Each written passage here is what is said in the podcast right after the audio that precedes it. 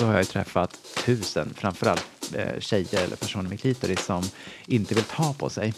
Eh, vilket är också en del av de här normerna kring hur vi ser på våra underliv. Och att det är så många som har ett väldigt, en väldigt negativ syn på sitt eget könsorgan och har liksom ett låg eh, genitalt självförtroende. Eh, och då kan det vara behjälpligt att ta till någon form av hjälpmedel. Sex på arbetstid. Sex på arbetstid. Sex på arbetstid. En podd om SRHR för dig som jobbar inom vården.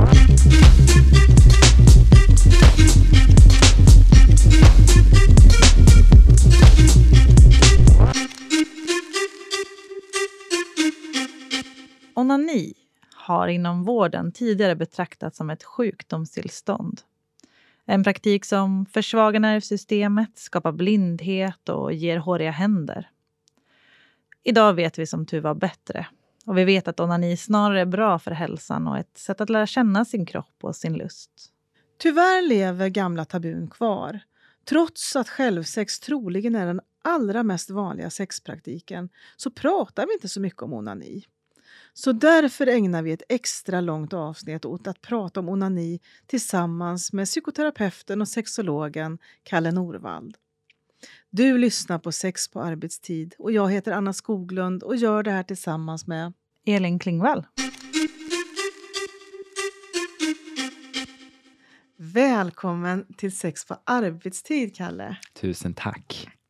Vi är ju jätteglada att du är här idag. Kalle Nordvall ska vi kanske säga också. Ja, det är jag det. Ja. Du arbetar ju som eh, legitimerad psykoterapeut och sexolog. Eh, och du har ju varit med i podden tidigare. Mm, I startgroparna där. Det stämmer. Mm. Men idag så ska vi prata om onani. Och vi tänker att vi kanske ska börja lite i onanins historia. Ja. Hur ser den ut, Kalle? Nej, men vi människor eh, och många djur med för den delen, vi har ju onanerat så länge vi har existerat eh, på lite olika sätt. Eh, sen har man ju också betraktat det på väldigt olika sätt. Det, när jag har här, skrivit om sexualundervisningen till exempel och kollat bakåt i historiken kring om man har beskrivit just onanin så har det ju varit med väldigt stora och skrämmande formuleringar. Att man, eh, för man onanerar så får man hår i handflator, det är en sån här klassiker. Eh, eller för man onanerar och får utlösning så följer lite, lite ryggmärgsvätska med. Och då ökar ju risken för förlamning och det vill man ju inte vara. Eh, på tal om liksom funktionsnormer också och så. Men att det, man har många gånger försökt skrämma främst ungdomar för att ta på sig själva.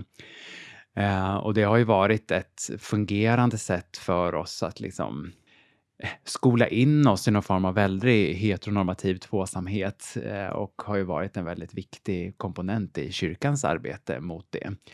Eh, och idag ser vi det på lite annorlunda sätt. Nu vet vi ju delvis att vi inte får hår i handflatorna eh, och att ryggmärgsvätskan kommer ju absolut inte ut i utlösning. Oavsett vilket biologiskt kön man har så är ju ryggmärgsvätskan där den är. Eh, nu är det ju snarare tvärtom och det kommer vi ju komma in på att vi vet ju att onani faktiskt är bra för vår hälsa. Men är det, finns det, för jag tänker när man tänker på historien så tänker man just på den här men skammen, skulden, händerna på täcket. Verkligen. Finns det också lustfyllda skildringar av onani genom tiderna? Jo, men det gör det ju absolut. Eh, det är väl att de kanske inte får lika stor spridning då, eh, just för att se, skammen är ju väldigt mer effektivt vapen inom citationstecken eh, i jämförelse med lusten. Eh, men det gör det ju. Det finns hur mycket texter som helst om just hur man onanerar, eh, sex med varandra, bredvid varandra. Men de har ju väldigt snabbt blivit censurerade just för att man ser det som ett hot mot den här heteronormativa tvåsamheten. Så då har det liksom, de har ju bränts på bål för att de just inte ska spridas.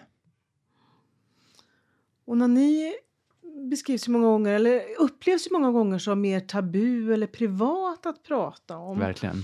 Va, vad beror det på? Är det de här gamla föreställningarna och normerna kring? Eller vad finns det för, för förklaringar? Hur kan vi förstå det?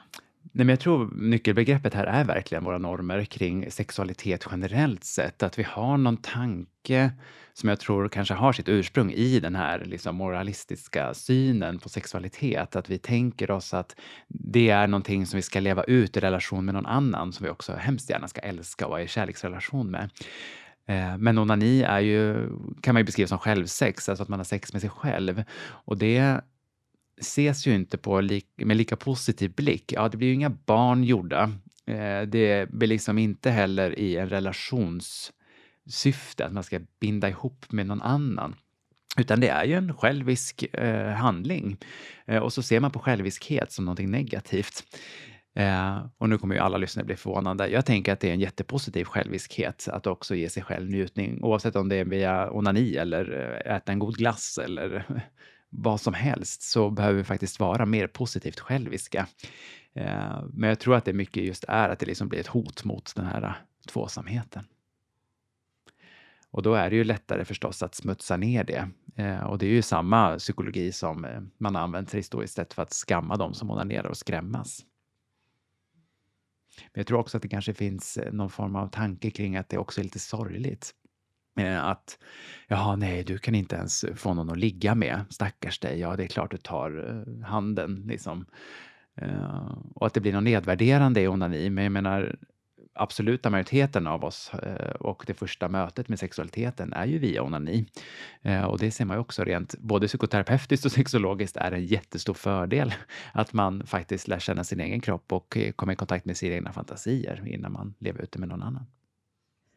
Och man kan väl också tänka sig att onani är liksom den, den sexuella praktiken som flest ägnar sig åt. Inte minst med tanke på att vi lever med många självhushåll idag. Absolut. Sverige ligger ju topp i det. Ja. Vad, vad, tänker du kring det? Att det är både den kanske den mest vanliga sexuella praktiken och samtidigt då finns det här tabun kring mm. då, det mest mm. vanliga. Men vilken fälla, eller hur? alltså det är ju som ett moment 22, att det är den vanligaste, den vanligast förekommande sexualpraktiken och samtidigt ser vi ner på den. Det är ju jätteknasigt. Eh, men jag tänker att det är liksom människans hyckleri någonstans, eh, att vi jobbar så. Eh, och det är ju verkligen att skjuta sig själv i fötterna på jättemånga sätt. Men vi envisas med att hålla på så här och det är ju igen, som Anna var inne på, de här normerna kring hur vi tänker oss att sexualitet ska uttryckas. Eh, men jag tror ju att vi, att vi har tillgång till onani Eh, och får lära oss det så kan ju det skapa mycket lust som också i sin tur ger lust till att göra annat. Eh, lever man i ett ensamhushåll, alltså att man inte vill, alltså jag brukar särskilja på ensamhet och vara själv. Att i ett självhushåll kanske man har valt det för att man vill leva själv, eh, medan ensamhet inte är valt. Eh, och lever man i ett ensamhushåll och vill hitta någon så kan onani faktiskt vara ett sätt att liksom få upp lusten också till att göra annat. Eh, inte bara, eh, men att vi kan i alla fall liksom komma någon vart. Vad vet vi annars om svenskarnas onanivanor? Jo, men vi vet att svenskar har en tendens att inte vilja svara på det. Eh, och då tror jag igen att det handlar om de här normerna som vi inte riktigt vill utmana på det sättet. Alltså vi har ju försökt göra hur många sexualvaneundersökningar som helst i Sverige.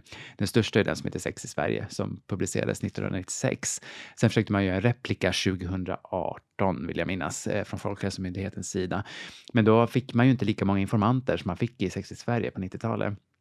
Eh, och det tror jag beror på just att man inte vill liksom skylta med sin sexualitet eller man vill inte besvara för det är så otroligt privat.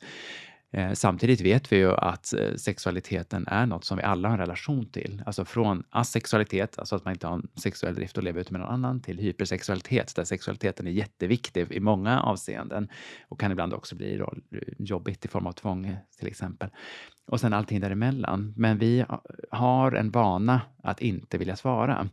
Men jag hittade en liten studie som RFSU gjorde för några år sedan och då såg de att ungefär 32 procent i Sverige onanerar flera gånger i veckan. Och det är ju ändå ett spännande resultat att så här, en tredjedel av Sverige onanerar så pass ofta som man ju då tolkade det resultatet som, som flera gånger i veckan. Det låter ju lite hoppfullt med tanke på det här att också uh, ha sin lust tillgänglig och att, att du nämnde också det här med att lära känna sin kropp. Ja ja. Är det någonting som är lite, alltså vad, vad betyder det egentligen? Åh, vilken bra fråga. Att lära känna sin kropp tänker jag är inte något man gör en gång, eh, utan det gör man ju under hela livscykeln. Alltså från, vi ser ju liksom eh, foster, eller em, inte embryon kanske, men växande foster i magen som tar på sina genitalier eh, fast man inte har en relation till det. Och varför då undrar man? För att det är skönt. Eh, och vi märker ju också mer och mer initiativ kopplat till äldreboenden, att man ju ordnar så att det finns sexhjälpmedel på äldreboenden. Eh, det har ju också blivit en jättestor debatt kring SVTs hotellromantik till exempel, att äldre har en sexualitet och folk blir rädda. Eh, det var ju det som vi pratade om i avsnittet jag var med för 37 år sedan. Men att just att man är så rädd också för att sexualiteten tar sig uttryck både från barn till liksom, nästintill dödsbädden. Och då blir vi rädda igen, fast det är någonting som vi alla bär på. Och nu har jag glömt bort din fråga. Lär känna sin kropp. Precis. Så var det. Eh, jag tror att det är en process som vi håller på med hela tiden. Så jag tror inte att det är liksom definitivt. Eh, och det tycker jag är så skönt på något sätt, att man får fortsätta att bejaka sig själv på det sättet. Det är positivt för vår hälsa tror jag. Men vill, varför onanerar vi? Alltså vilka skäl, anledningar uppger människor till att man onanerar? Det absolut primära är ju njutning. Eh, att man vill komma i kontakt med sin fysiska njutning via onani. Eh, och att man tar på sin kropp där det känns skönt. Och då brukar ju traditionen säga oss att det är genitalierna. Vilket ju har sin fysiologiska eh, förklaring i att det finns otroligt mycket nervändar i det som medicinskt kallas för klitoris eller ollon som då gör att vi stimulerar dem för att det är skönt och då når orgasm eventuellt. Så vi gör det för att det är skönt. Sen finns det anledningar så som att man vill slappna av. Eh, för det vet vi också att en orgasm eh, utsöndrar ju liksom lite lugn och rohormoner i kroppen. Eh, så det är ju jättesmart om man är stressad eller för man har svårt att sova så är onani jättesmart. Vi vet också att det finns de som onanerar för att fördriva tiden. För att man har inget att göra. Nej, men då kan jag onanera lite så har det gått några minuter till och så snart är det middag. Alltså att det är också bara en sysselsättning. Man är uttråkad. Man är uttråkad och då är det spännande att göra det. Eh, det kan också vara att man vill komma ur något annat mood, alltså att man kanske är jätteledsen och så vill man lite bryta cirkeln, säger man inte, cykeln. Och så, för att komma ur det så kan onani också vara ett effektivt sätt. Eh, det kan vara att man är, längtar efter sex och så har man ingen partner eller partners att leva ut det med och så har man sex med sig själv. Eh, det kan också vara för att lära känna sin kropp. Eh, att då kan man ta på sin kropp, var känns det skönt här? Sen vet vi också att det finns de som eh, får ett tvångsmässigt förhållande till sin onani. Där det liksom blir att om jag inte onanerar så kommer något dåligt hända. Eller att jag kan inte hantera min känsla av ilska. Eh, och då när jag börjar känna ilska så går jag till onani istället för att undvika min ilska. Det är de jag träffar jättemycket i min, på min mottagning. Eh, just de som inte kan hantera ilska exempelvis. kan också vara ledsenhet eller sorg och så. Eh, och att man då utvecklar en strategi eh, att onanera istället för att distansera sig mot jobbiga känslor. Och då är man ju så sadistisk i psykoterapi att man tvingar dem att vara ilskan i terapirummet under trygga former istället och försöka liksom ge upp sina försvar och sen hitta ett mer hälsosamt förhållande till onani då, i det här fallet. Så orsakerna är väldigt många. Så man får ju lyssna in sig själv och lära känna både sitt psyke och sin kropp. Ehm, men vad händer i våra kroppar när vi onanerar? Hur påverkas vi? Eh, och då är det så här tråkigt terapeutfall. Ja, det är ju olika.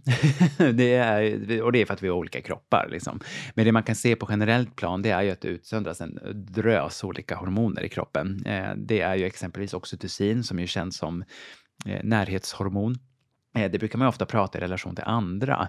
Alltså när vi möttes och vi kramades, Anna till exempel, ja då fick vi en liten rush av oxytocin för att vi hade varandra nära.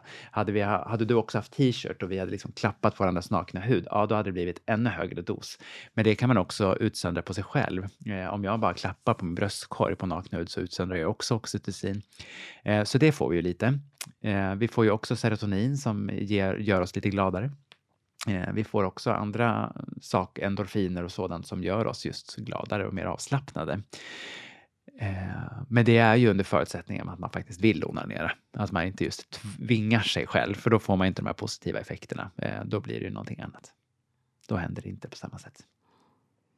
Men om man tänker att det finns en längtan efter eh, onani eller självsex men man tycker kanske att det är svårt att hitta en bra teknik eller Ja. vad kan man göra då? Hur kan man som vårdgivare, tänker jag, Mm. rådgöra och hjälpa sin eller rådge och hjälpa sin Ja. patient? Eh, jag brukar faktiskt utgå ifrån den så kallade lustanatomin. Jag har en liten trädocka på min mottagning där jag liksom berättar vart, vart det på kroppen kan vara skönt att ta på sig och inte bara stirra mig blind på genitalier. Eh, även fast det förstås, som jag sa tidigare, är ju den kroppsdelen som har mest nervändar eh, som ju gör att det är skönare och mer intensivt. Eh, men att prata om de här så kallade erogena zonerna till exempel, att vissa tycker om att man också klappar sig själv på halsen eller att man nyper sig i bröstvårtorna eller att man liksom masserar sina egna fötter. Då tänker folk, ja men det är ju inte onani, det är någonting annat. Eh, kanske, men för någon annan så kanske en fotmassage kan vara en form av eh, onani. Att det måste kanske inte nödvändigtvis bara vara genitalierna som är inblandade och blir stimulerade. Eh, så jag brukar just tipsa kring att försöka se vart finns det för delar på kroppen som det kan vara skönt att beröra. Eh, för jag tänker att onani, precis som sex med andra människor, ska ju vara en upplevelse och inte en prestation. Och att då försöka hitta lite andra sätt som man kanske inte har lärt sig enligt eh, tradition eller undervisning på andra sätt eh, och vidga vyerna kring lust. Eh, men just kopplat till tekniker, ifall vi liksom lutar oss mot den traditionella definitionen på onani eh, så brukar jag ju prata om att ja, man kan använda händer. Att ta på sitt egna könsorgan, då har jag ju träffat, och det har säkerligen ni också gjort i era arbeten, här, tusen, framförallt eh, tjejer eller personer med klitoris som inte vill ta på sig. Eh, vilket ju också är en del av de här normerna kring hur vi ser på våra underliv och att det är så många som har ett väldigt en väldigt negativ syn på sitt eget könsorgan och har liksom en låg eh, genitalt självförtroende. Eh, och då kan det vara behjälpligt att ta till någon form av hjälpmedel. Eh, och då finns det ju miljarder olika. nu finns det ju inte det subventionerat i regionsdriven vård utan då blir det igen en, lite av en klassfråga för de är oftast också jättedyra. så det får man ju förstås utforska. Men det finns ju också alltså fantasin sätter ju egentligen bara gränser. Eh, en av mina sexologkollegor, Susanne Larsdotter, brukar ju benämna Ikea och Biltema som de bästa sexhjälpsmedelsaffärerna. Eh, att där finns det ju också saker att hitta och kunna utveckla på sköna sätt. Att man kan ha Oh, gud, ska man bara komma på exempel. Men man kan liksom använda köksredskap och onanera med. Eh, och då är det förstås viktigt att diska dem, men får man välja sen att använda dem i matlagning eller att den är liksom vigd till att onanera med. Eh, men där sätter ju fantasin bara gränser. Eh, men det är ju ofta där som jag tänker att din fråga indikerar, Anna, också där det begränsas. Eh, men då kan man ju hjälpas åt eh, att hitta den typen av information. Men vad är viktigt att tänka på? Alltså du nämnde ju så här med att diska köksredskap. Mm. Men annat kopplat till hygien, mm. vad kan vara viktigt att tänka på? Ja, men alltså, det som dök upp i mitt huvud på en gång, det kanske var bara för att vi pratade om köksredskap, men det är ju typ om man har använt starka livsmedel, eh, chili och vitlök, eh, tvätta händerna ordentligt eh, och kanske till och med vänta ett tag.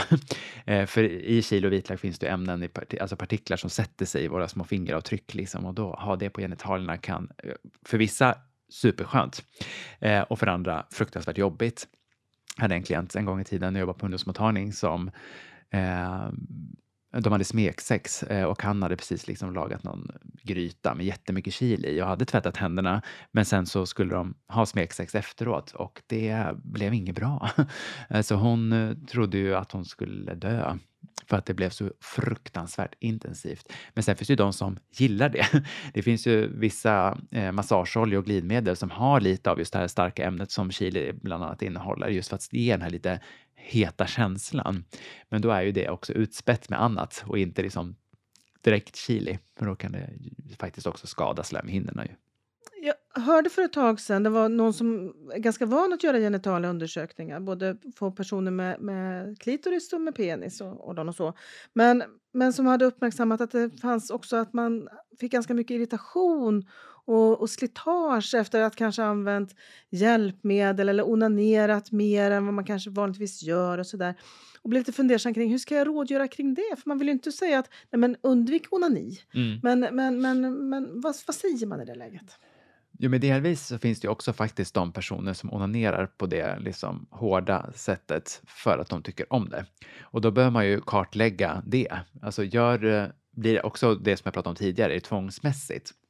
Vilket, nu gör ju inte jag genitala undersökningar av uppenbart logiska skäl för att jag är psykoterapeut. Eh, men att det, om de beskriver just att de får skav eller att det blir rodnat eller att man märker att huden blir jättekänslig för att man har gnuggat jättemycket till exempel, vilket ju hud har en... Det finns ett syfte med det. Och det är för att det är ju kroppens sätt att signalera fara, fara. Eh, men om de beskriver att det är skönt, eh, att det liksom är det positiva, att de säger jag tänder på det här, tycker det är jättehärligt, men det är jobbigt efteråt. Ja, då behöver man ju prata om liksom eftervård. Att kanske faktiskt pausa ett tag och låta huden återhämta sig. Eh, smörja in med oparfumerad olja till exempel. Eh, sova utan underkläder för att liksom hjälpa huden att återhämta sig. Eh, för de som gör det för att de har svårt att sluta, då är vi inne på det här med tvångsmässighet. Då. Eh, där behöver man hjälpa med tvånget. Eh, att de kanske liksom hoppas att det hörs. När det blir det här, jättemycket friktioner, ja då har man ett tvång kopplat till det, då blir det ju klurigare att sluta och då behöver man jobba med tvånget. Eh, så man behöver ju kartlägga hur det kommer sig att man onanerar på det sättet. Är det lustfyllt? Aftercare? Är det tvångsmässigt? Jobba med tvånget. Och förstås hudvård. Eh, är det tvång så behöver man ju fortfarande också jobba med hudvård. Oparfumerade produkter. Hur pass vanligt är det? Eller det kanske man inte vet någonting om. Jag tänker det där med att, att utforska sexualiteten när det handlar om självsex. Mm. Eller är det vanligast att man kör på som man alltid har gjort? Det tror jag lite också bottnar i en av frågorna som vi pratade om tidigare, så här, varför vi onanerar. Eh, vissa gör ju det som sagt bara för att slappna av och då kanske man inte är så äventyrlig. Eh, men sen finns det ju de som hittar andra stimulin att, att titta på eller lyssna till eller läsa samtidigt och då sätter ju den mest erogena zonen igång som vi har och det är ju hjärnan. Att där kan vi fantisera oss in i hur är det att eh, fantisera om den här praktiken eller ha sex med den där personen eller de personerna eller på den där platsen. Eh, och då finns det ju studier som visar just att det vanligaste vi sysslar med i samband med onani och fantisera om sex, det handlar inte om andra utan om oss själva. Att vi liksom någonstans fantiserar om att vår egen fysik skulle se annorlunda ut. Eh, att vi tänker oss att vi är smalare, mer muskulösa, med annan frisyr. Alltså att, det, att vi ändrar vår egen kropp i fantasin. Och det tycker jag är otroligt spännande hur det kommer sig. Eh, och det kanske är den här normen igen kring att vi ska jämföra oss och att vi liksom av någon anledning nästan alltid drar det kortaste strået, att vi alltid är lite fulare, lite äckligare än alla andra. Och så försöker man liksom i fantasin ändra det. Men på, samtidigt är det också ganska fascinerande för då kommer man ju ändå närmre sig själv och det kan ju låta kontraproduktivt att man då tänker sig vara på ett annat sätt. Men man är i alla fall där och är med. Så på ett sätt är det ju bra och på annat sätt är det inte lika bra kanske. Men är det någonting som du pratar med dina klienter om, alltså att göra det där lite extra? Eh, att jag vet inte, tända ljus ja. eller eh, förbereda mer. Alltså det var som att du läste på... min egen eh, strategi. Tända ljus just det för mig som privatperson en väldigt lusthöjare och det behöver inte handla om sexualitet utan bara när jag känner mig stressad så är tända ljus något som bara får mina stressnivåer sjunka på en gång. så att de såg igenom mig. Eh, jo, men det händer absolut eh, att jag säger just så här, med, framför allt med människor, gud vad jag babblar, jag ska ta ett andetag. Det säger jag också till mina klienter ibland när det handlar om just eh, lust och att vara kontakt med det. För att prata så här snabbt kan ju både vara en ångestsymptom eller att man blir så otroligt peppad. Eh, nu är jag peppad, jag har ingen ångest just nu. Eh, men personer som vill komma i kontakt med sin lust eh, har ju en tendens annars att vara väldigt stressade och pressade. Och då kanske man behöver faktiskt göra just det lilla extra för att ägna tiden åt sig själv och då kan tända ljus, eh, liksom havsbrus på eh, valfri streamingtjänst i bakgrunden, eh, att lägga sig i en nybäddad säng, tappa upp ett bad. Alltså de här små extra grejerna kan ju då underlätta de gånger man faktiskt vill onanera och göra det för sig själv. Att man också faktiskt ser lite som självvård och att man Eh, eller till och med någon form av mindfulness på något sätt. Alltså det kan ju verkligen kombineras, eh, tänker jag mig i alla fall. Eh, och också med tanke på att orgasm och onani har en sån stressreducerande funktion så tänker jag att då kanske ännu bättre med de här tända ljusen till exempel, för då hjälp, skjutsar vi på det lite till. Eh, men det tror, jag, det tror jag inte, så det är min kvalificerade gissning, att vi är liksom generellt sett så bra på just för att vi tänker att onani är liksom det näst bästa. Eh, man ska ligga med någon annan och då kan man anstränga sig så. Men jag tänker att vi kanske behöver göra det med oss själva också i högre utsträckning. Så tänd ljus. Lite mer självvård och självkärlek. Ja. Mm. Ja. Det låter som också någonting som skulle behöva lyftas in när man jobbar terapeutiskt och möter mm. mycket stressade personer ja. eller personer som ja, är mycket i huvudet. Man har liksom inte riktigt kanske den där omsorgen om sig själv. Nej. Och då tänker jag att det kan ju också vara, man behöver inte säga så här, nu ska du gå för orgasm, utan bara så här, ta på din kropp för att få liksom en kontakt med den. Eh, jag brukar tipsa om fingertopparna. Eh, fingertopparna har ju också väldigt mycket nervändar, inte lika mycket som eh, genitalierna, men de är ju otroligt känsliga. Och bara liksom dra sina fingertoppar över sitt könsorgan eller över sin bröstkorg eller sin överarm så blir det ju en sensation. Det eh, är ju svårt att kittla sig själv till exempel. Eh, men det här är ju, nu, ja det ser ju inte ni som lyssnar, nu drar jag mina fingertoppar över hela min arm och det här är ju väldigt skönt och det här är faktiskt också stressreducerande. Eh, inte bara tack vare oxytocinet utan också bara för att det känns väldigt skönt. Eh, och att liksom klappa på sig själv och ta hand om sig. Vi pratar ju inte, oftast när vi pratar om onani så kanske man tänker på den unga personen. Ja. Men vi tänker ju ett livscykelperspektiv och det här Mm. lilla barnets Mm. upptäckande av sin kropp och ända fram till som sagt den gamla äldre personen. Så. Eh, hur, hur kan man prata om, om onani ur ett livscykelperspektiv? Jag tänker när man möter personer i olika åldrar. Men jag tänker att lust inte diskriminerar ålder, eh, utan den har vi jämt. Eh, sen av olika skäl så kanske vi inte prioriterar den i lika stor utsträckning. Vi blir rädda när barns, eh, för, vi är rädda för barns sexualitet för vi tänker då direkt till övergrepp eh, och att vi vill skydda barn mot övergrepp, såklart. Eh, men då finns det ju också en risk att vi liksom skjuter bort lust, det, lust, det lustfyllda i barns onani. Att man liksom slår barn på fingrarna som tar på sitt könsorgan eller skrattar åt det. Liksom att det är så här, ja, då står du och drar dig i snoppen eller så här, ta bort fingrarna. Att det liksom blir en ilska eller ett förlöjligande som jag tycker är dåligt. eh, och sen när det är äldre så gullifieras det på något sätt. Att man tänker att så här, ja, åh, Agda ligger där. Hon vill nog inte onanera. Alltså vi tänker inte ens tanken att Agda ligger på äldreboendet och onanerar.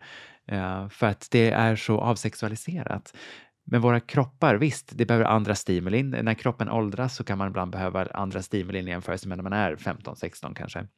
Eh, och ens fantasi ändras ju tack och lov också med åldern, för allt det här är ju plastiskt, alltså förändligt. Eh, så jag tänker att prata om lust behöver ju inte vara, ja, pullar du Agda, utan det kan också vara, vad tycker du är skönt? Eh, vad skulle vi kunna hjälpa dig med här på boendet för att du ska kunna vara eh, och ta hand om dig själv och ha, få en njutningsfull stund. Eh, och barn då, för vi ska hoppa till andra sidan, så kan man ju hjälpa dem med att så här, ja, men ta på sitt kön eller på sin kropp på det sättet så hjälper vi dig att göra det, liksom, men kanske på toaletten eller det där.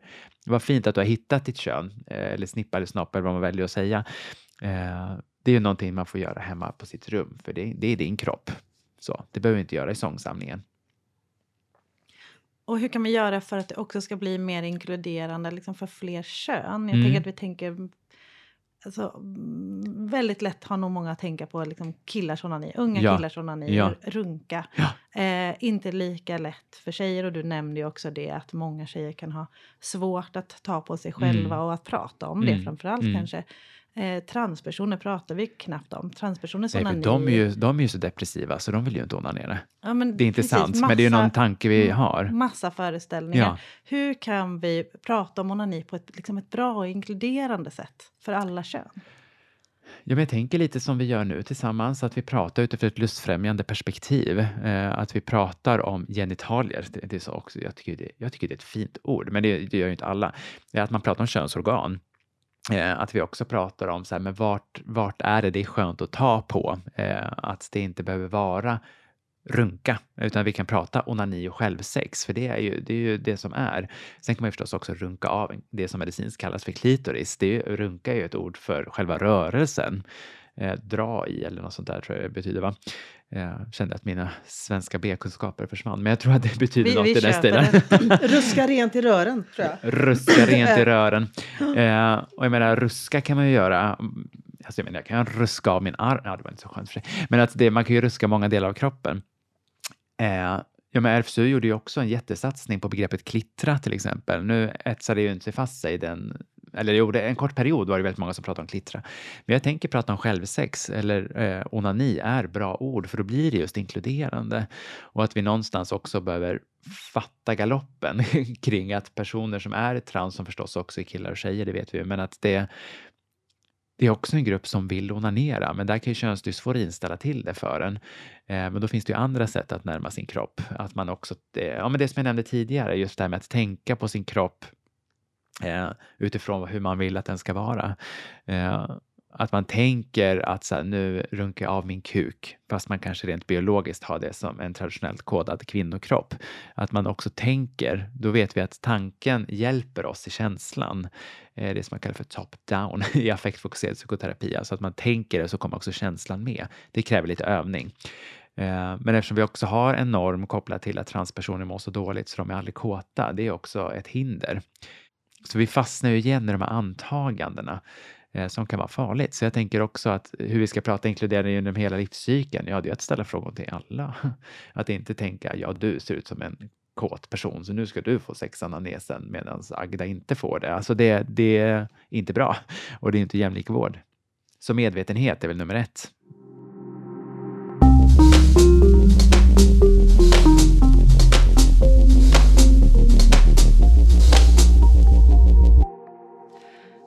Tänkte vi ska hoppa lite till att prata om NoFap. Ja. Det är ju en ganska ny Ja. eh, rörelse. Ja. En, en rörelse med eh, framförallt cismän. Eh, där man då inte ska eh, titta på porr och inte onanera. Mm. Eh, för att man då tänker att det är farligt. Eh, Lite olika förklaringar som ges, men bland Yes. annat att till exempel att ha för mycket utlösning Mm. liksom, eh, försämrar testosteronnivåer till Japp. exempel. Och försämra spermiekvaliteten. Och så. Försämrar spermiekvalitet Mm. och ens manlighet och ens sexual appeal gentemot kvinnor. Ehm, ja, vad tänker du om det här? Vad, vad, möter du det här i, i terapirummet till exempel? Alltså vill du ha den osensurerade versionen så är ju vad jag tänker om det att det är skitsnack. Eh, generellt sett nu då. Eh, det finns ingen som helst forskning som styrker vare sig att liksom testosteronnivåerna skulle ändras eh, på något vis bara för att man inte får utlösning eller att spermiekvaliteten skulle förändras bara för att man får utlösning. Eller att ens sex appeal, vad det nu än är, skulle förändras för att man inte onanerar. Men det är klart att det finns olika individer som märker skillnad och det ska vi ju inte negligera eh, utan att tänka att så här, ja, men för dem så verkar det funka och sen om det är placebo eller inte spillerill. Men på generellt plan att säga att NoFap är liksom en bra insats för att öka testosteronnivåerna. Nej, det är, det är lögn. Det är inte sant. Eh, och det tänker jag vi ska vara otroligt tydliga med, för jag tror ju inte på att luras. Eh, utan jag tror på ärlighet och transparens och då vet vi att NoFap inte funkar. Eh, sen kan det ju finnas liksom en social gemenskap i rörelsen eh, som kan vara väldigt positiv. Jag menar gruppen heterosexuella cismen enligt mycket forskning är ju inte den mest pratglada gruppen och framförallt inte med varandra. Och har man då hittat ett sätt för att få dem att prata om sina känslor och sina upplevelser, ja men toppen.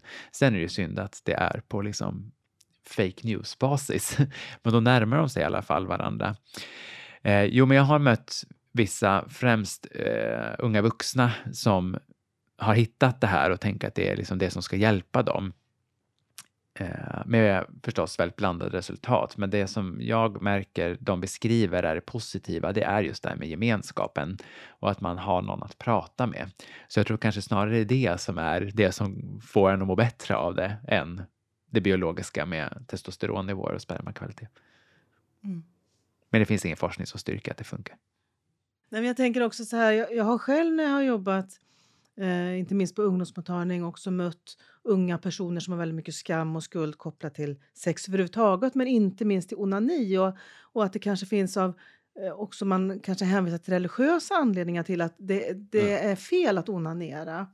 Och att man som vårdgivare kan känna sig ganska maktlös i det. Ja. Vad tänker du kring det? Hur kan vi hjälpa dem som Mm. söker och vill ha?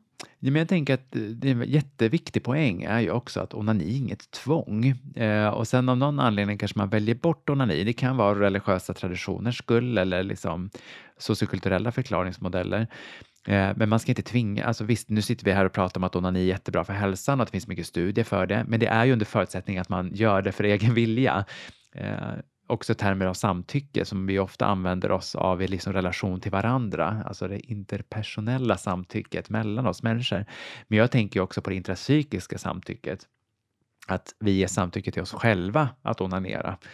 till exempel. Eh, den här sexuella revolutionen vi är i, eller vad vi väljer att kalla det för, handlar inte om att vi ska säga ja till allt, utan att vi också faktiskt har rätten att säga ja, visst ja, men också nej och kanske. Att det är jätteviktigt att komma ihåg att eh, i den här diskussionen att det också är hälsosamt att säga nej. Hur, Men- hur ger man samtycke till sig själv? Jag började liksom Ja, fundera på man det. funderar så här, vill jag onanera? Ja. Eller vill jag onanera? Nej, men det, nej för nu, nu gör jag det bara för att eh, folk tror att jag ska göra det. Eller förväntas av mig. Att man liksom tar ett steg tillbaka, men vill jag det här? Eh, och sen behöver inte det vara så djupt, utan det kan också vara ja. Och sen så drar man en tralla eller klittrar lite och sen så är det klart. Men jag tänker att man också tar ett steg tillbaka. Vill jag det här för min skull? Eller gör jag det för att vara en cool person i klassen, liksom, ungdomsperspektivet? Då? För det är oftast där det någonstans börjar. Eh, och jag menar, grupptryck är ju en realitet för många av oss, alla av oss. Tänker grupptrycket i en relation. Alltså, Det är inte en ovanlig sökorsak heller. Att man kan, någon kanske söker som kanske är förtvivlad över att ens Mm. partner onanerar. Mm. Känner sig bortvald. Eller Ja. Hur kan man jobba med, med, med sånt i, i terapeutiskt? Eh, Det är ju en ganska vanlig formulering också i mina parterapier, eh, är ju att många oroa sig för att man liksom runkar bort sin lust till sin partner. Eh, och där svarade jag ju faktiskt på en fråga i Göteborgs-Posten förra veckan. Just att det var en person som hörde av sig och var orolig. Så här, min, min partner onanerar och det är inte dåligt per se, men jag är väldigt orolig för att hans lust runkas bort. Eh, och det, jag brukar särskilja på liksom egensexualiteten och relationssexualiteten. Och det finns inte heller någon som helst studier som visar att de liksom ska konkurrera med varandra eller att det liksom finns 100 poäng av sexlust som måste fördelas. Eh, det finns ju faktiskt å andra sidan studier som styrker att de personer som onanerar i en relation faktiskt också har bättre sex med, sin, med den man är i relation med. Eh, och det tror jag mycket beror på just på det här att man tar sin egen lust på allvar, man Eh, tillåter fantasin att flöda, man liksom också det här som är med lust generellt sex till sexualitet, det är att om man jobbar mer än kontinuerligt så kommer den också fortsätta att vara där. Det är ju lite av en färskvara som man måste upprätthålla. Eh, jag som då jobbar med parterapi blir då förstås också nyfiken på vad det är som händer mellan parterna. Eh, Okej, blir du liksom svartsjuk på onanin eller är du orolig över att bli bortvald? Eh, att liksom jobba med de känslorna snarare än liksom själva onanerandet i sig. Utan vad som händer mellan parterna. Och det är ju oftast rädsla. Man är rädd för att inte duga. Du finner inte mig attraktiv, därför måste du onanera eller därför måste du kolla på pornografi. Eh, eller räcker inte jag till, till exempel. Och då måste vi prata om de känslorna, förstås.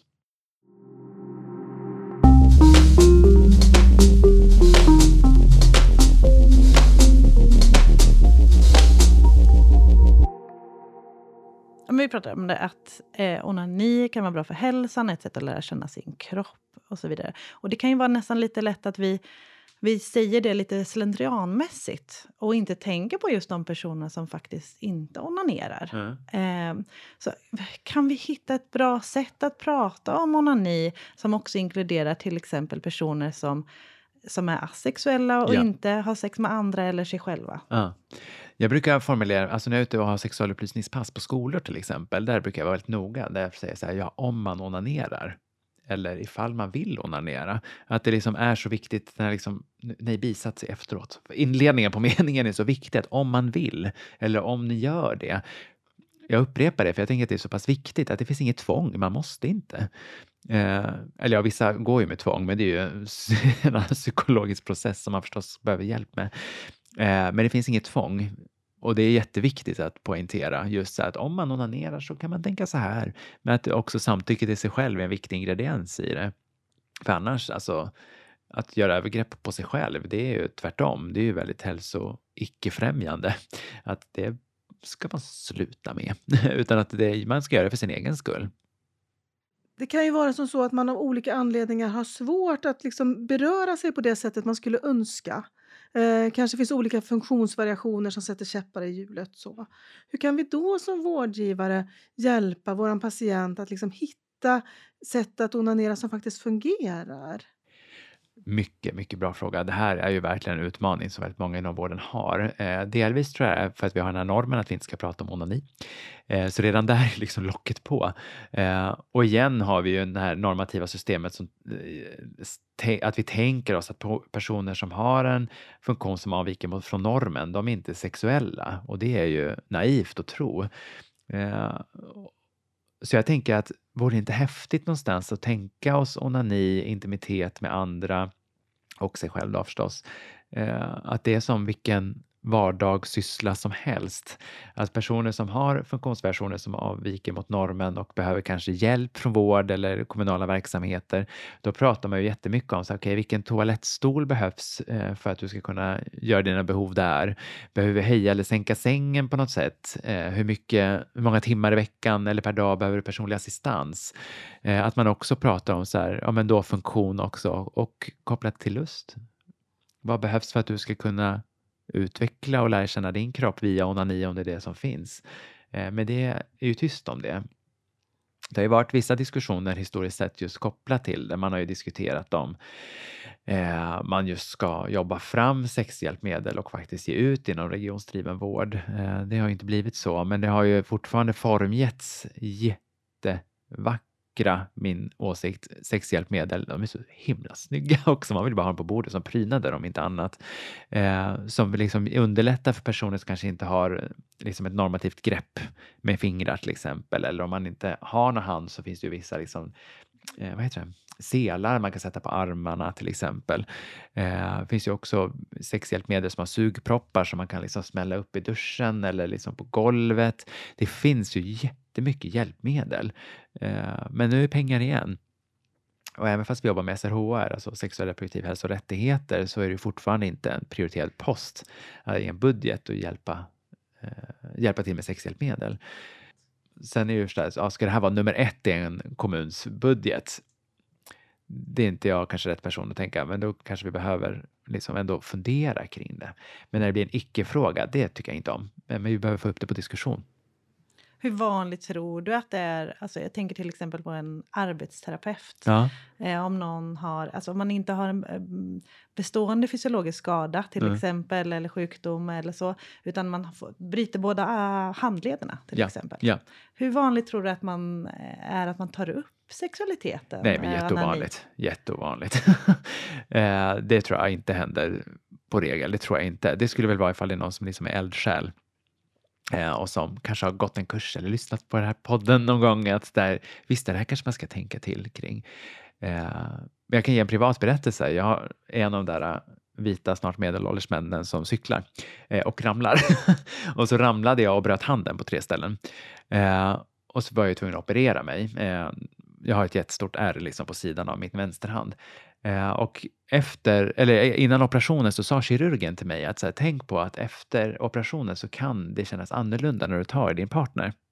Och jag tänkte, oh, ja, precis den där reaktionen som Anna nu gjorde som ni lyssnare inte ser. Oh, alltså vad, vad fint och jag kände mig så otroligt sedd. Eh, och tänkte så här, hoppas hon gör det liksom med alla patienter. Eh, sen fick jag veta efteråt av en kompis som jobbar som kurator på samma mottagning att nej, men det gjorde hon ju för att hon visste vad jag jobbar med. eh, så då, men det, jag menar, det blir inte heller jämlik vård. Bara för att jag liksom jobbar med sexualitet så ska jag få veta det. Utan det behöver ju alla veta. För det vet vi också att ärrbildningar, ja det händer ju någonting med våra nerver då också i huden som absolut gör att det känns annorlunda. Den här handen jämförs med min annan. Eftersom jag också var så dålig på att göra mina rehabövningar så får jag skylla mig själv. Men att det är ju jätteviktig information att ha. Bryter du båda hand, handlederna, ja då kommer det vara svårare att eh, krama en eventuell partner. Det kommer vara svårare att eh, sköta din intimhygien och kanske onanera. Man kan önska att det var startskottet för den eh, läkaren att den kanske såg, ja men det här kan man ju faktiskt prata om. Ja. ja. Ja, jag hoppas att det liksom ändå kanske såg som en liten övning att där var hon ändå liksom trygg med att jag visste vad sexualitet är. och så här att, är det, man behöver öva. Ja, ja, ja. Mm. och det går ju, tack och lov. Alltså jag menar, mina sexologiska terapier eller rådgivningar ser ju inte likadana ut idag som när jag började för 20 år sedan. De har ju, hoppas jag verkligen, har utvecklats. Eh, att det är ju något vackert i det också. Att, det, att vi kan öva och träna Alltså vi alla har ju saker som vi tycker är obehagliga att prata om. Jag brukar ofta i sådana här sammanhang berätta om min egen liksom, lilla fobi för att prata om döden. jag får alltid ett litet påslag när jag pratar om döden, eh, för att jag tycker inte om det. Men det gör ju också att jag stundtals liksom undviker att prata med döden, eh, och med, om döden, med också i och för sig, eh, med, i mina terapier och det är inte bra. För jag menar, döden är jätteviktig. När jag jobbade på eh, sjukhus här i Stock Södersjukhuset här i Stockholm så fick jag ibland patienter från onkologin, eh, alltså cancer. Och omedvetet var min handledare som uppmärksammade mig på det. Omedvetet så gjorde jag vad jag kunde för att inte prata om döden och då hade jag ändå patienter som skulle dö. Eh, tänker specifikt på en person som eh, hade fått liksom ett besked om att han hade sex månader kvar i livet. Och han ville komma till mig som sexolog och terapeut för att just prata om hur kan jag anamma min lust de här sista månaderna, med, både med mig själv och min eh, partner. Och ja, på de besöken vi hade nämnde inte döden en enda gång. Och min handledare ställde då frågan, så här, men hur, hur pratar ni om döden? Liksom, kunde ni prata om det också på ett sätt? Nej, för det tyckte jag var obehagligt. Och det är väldigt många som tycker att sexualiteten är obehaglig att prata om. Och det ser man ju också igen på studier. Folkhälsomyndigheten gjorde en jättestor kartläggning för några år sedan eh, där man kollade på kursplanerna på eh, yrken, eller utbildningar som leder till yrken där man möter människor. Eh, hur just SRHR-begreppet togs upp eh, hur, och också då främst utifrån ett lustperspektiv och det togs ju inte upp. Då tog man ju upp ja, med barnmorskeprogrammet, då pratade man om abort, man pratade om klamydia eh, och jurister pratar ju om sexualbrott. Då.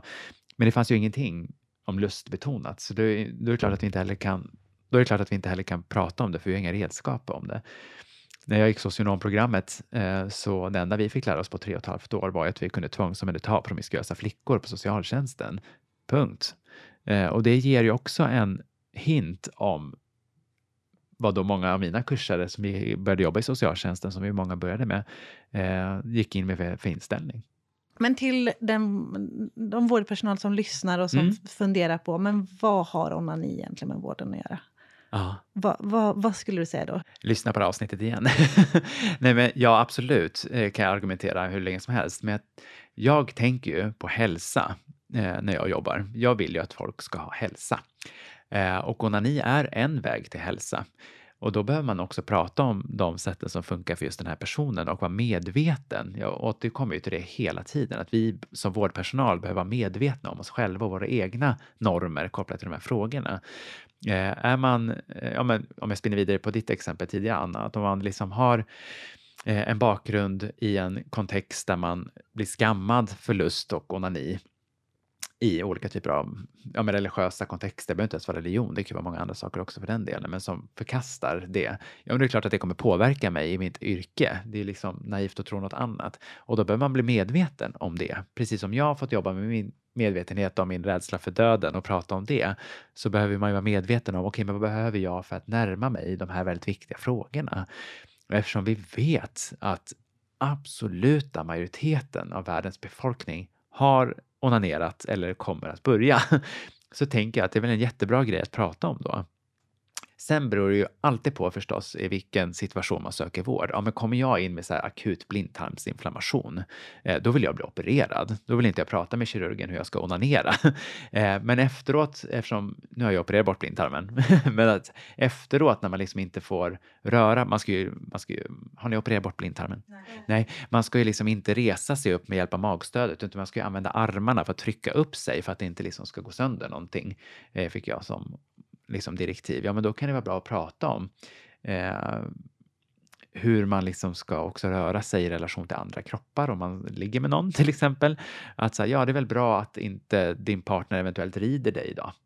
Att säga, har ni sex så tänk på att du Visserligen är det skönast kanske att ligga underst, men tänk på att inte lägga för mycket tryck på buken, liksom, för det mm, kanske inte är så skönt. Och det kan ju också faktiskt bli komplikationer. Att tänka på att vi fortfarande är sexuella fast vi kanske har opererats. Inte alla, men många.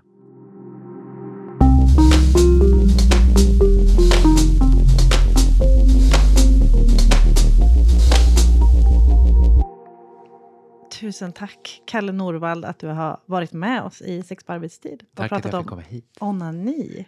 Ja. Andra gången du är med och kanske blir en tredje gång. Det hoppas jag verkligen. Det vore jättekul. Får se vad vi pratar om då. Ja. Eh, men innan vi släpper iväg dig så skulle vi gärna vilja veta vilka tre tips mm. till annan vårdpersonal du har med dig. Jo, men jag har ju många tips i min verktygslåda. Eh, delvis så vill jag de tre jag har valt ut är väl de jag också faktiskt har gett mig själv flest gånger under karriären. Eh, där det första har jag redan sagt eh, och det är ju att medvetandegöra sig själv kring sina egna normer. Och det här tänker jag gäller förstås alla avsnitt av den här podden. Men jag tänker kring dagens tema med onani just medvetandegöra vad man själv tycker, tänker och känner kring det. Om, om det är så att du har åsikter kring onani som något fult och äckligt, ja då kommer det påverka dig i din profession. Eh, sen har man ju förstås demokratisk rätt att tycka det, men när vi jobbar så behöver vi vara medvetna om det. Tips nummer två, eh, det är att jobba lustfrämjande. Att jobba utifrån vad vi vet ger eh, patienten eller klienten framför dig just lust. Eh, att se är det här någonting som du mår bra av och hur kan vi fortsätta med det? Och tredje och sista tipset är att utgå ifrån personen du har framför dig. Att inte tänka att man liksom ska tvinga på någon att onanera, för det är också det här samtyckandet till sig själv som är jätteviktigt. Eh, att då formulera sig inkluderande som vi har ju pratat om. Om du onanerar så. Om man vill onanera så. Inte gå hem och onanera. Det säger jag i och för sig till vissa av mina klienter, men då har jag ju fått, då har jag fått ett samtycke och ett tillåtande att jobba på det sättet. Så det blir tips nummer fyra då. Be om ett tillåtelse att prata och tipsa. Tusen tack, Kalle. Tack själva.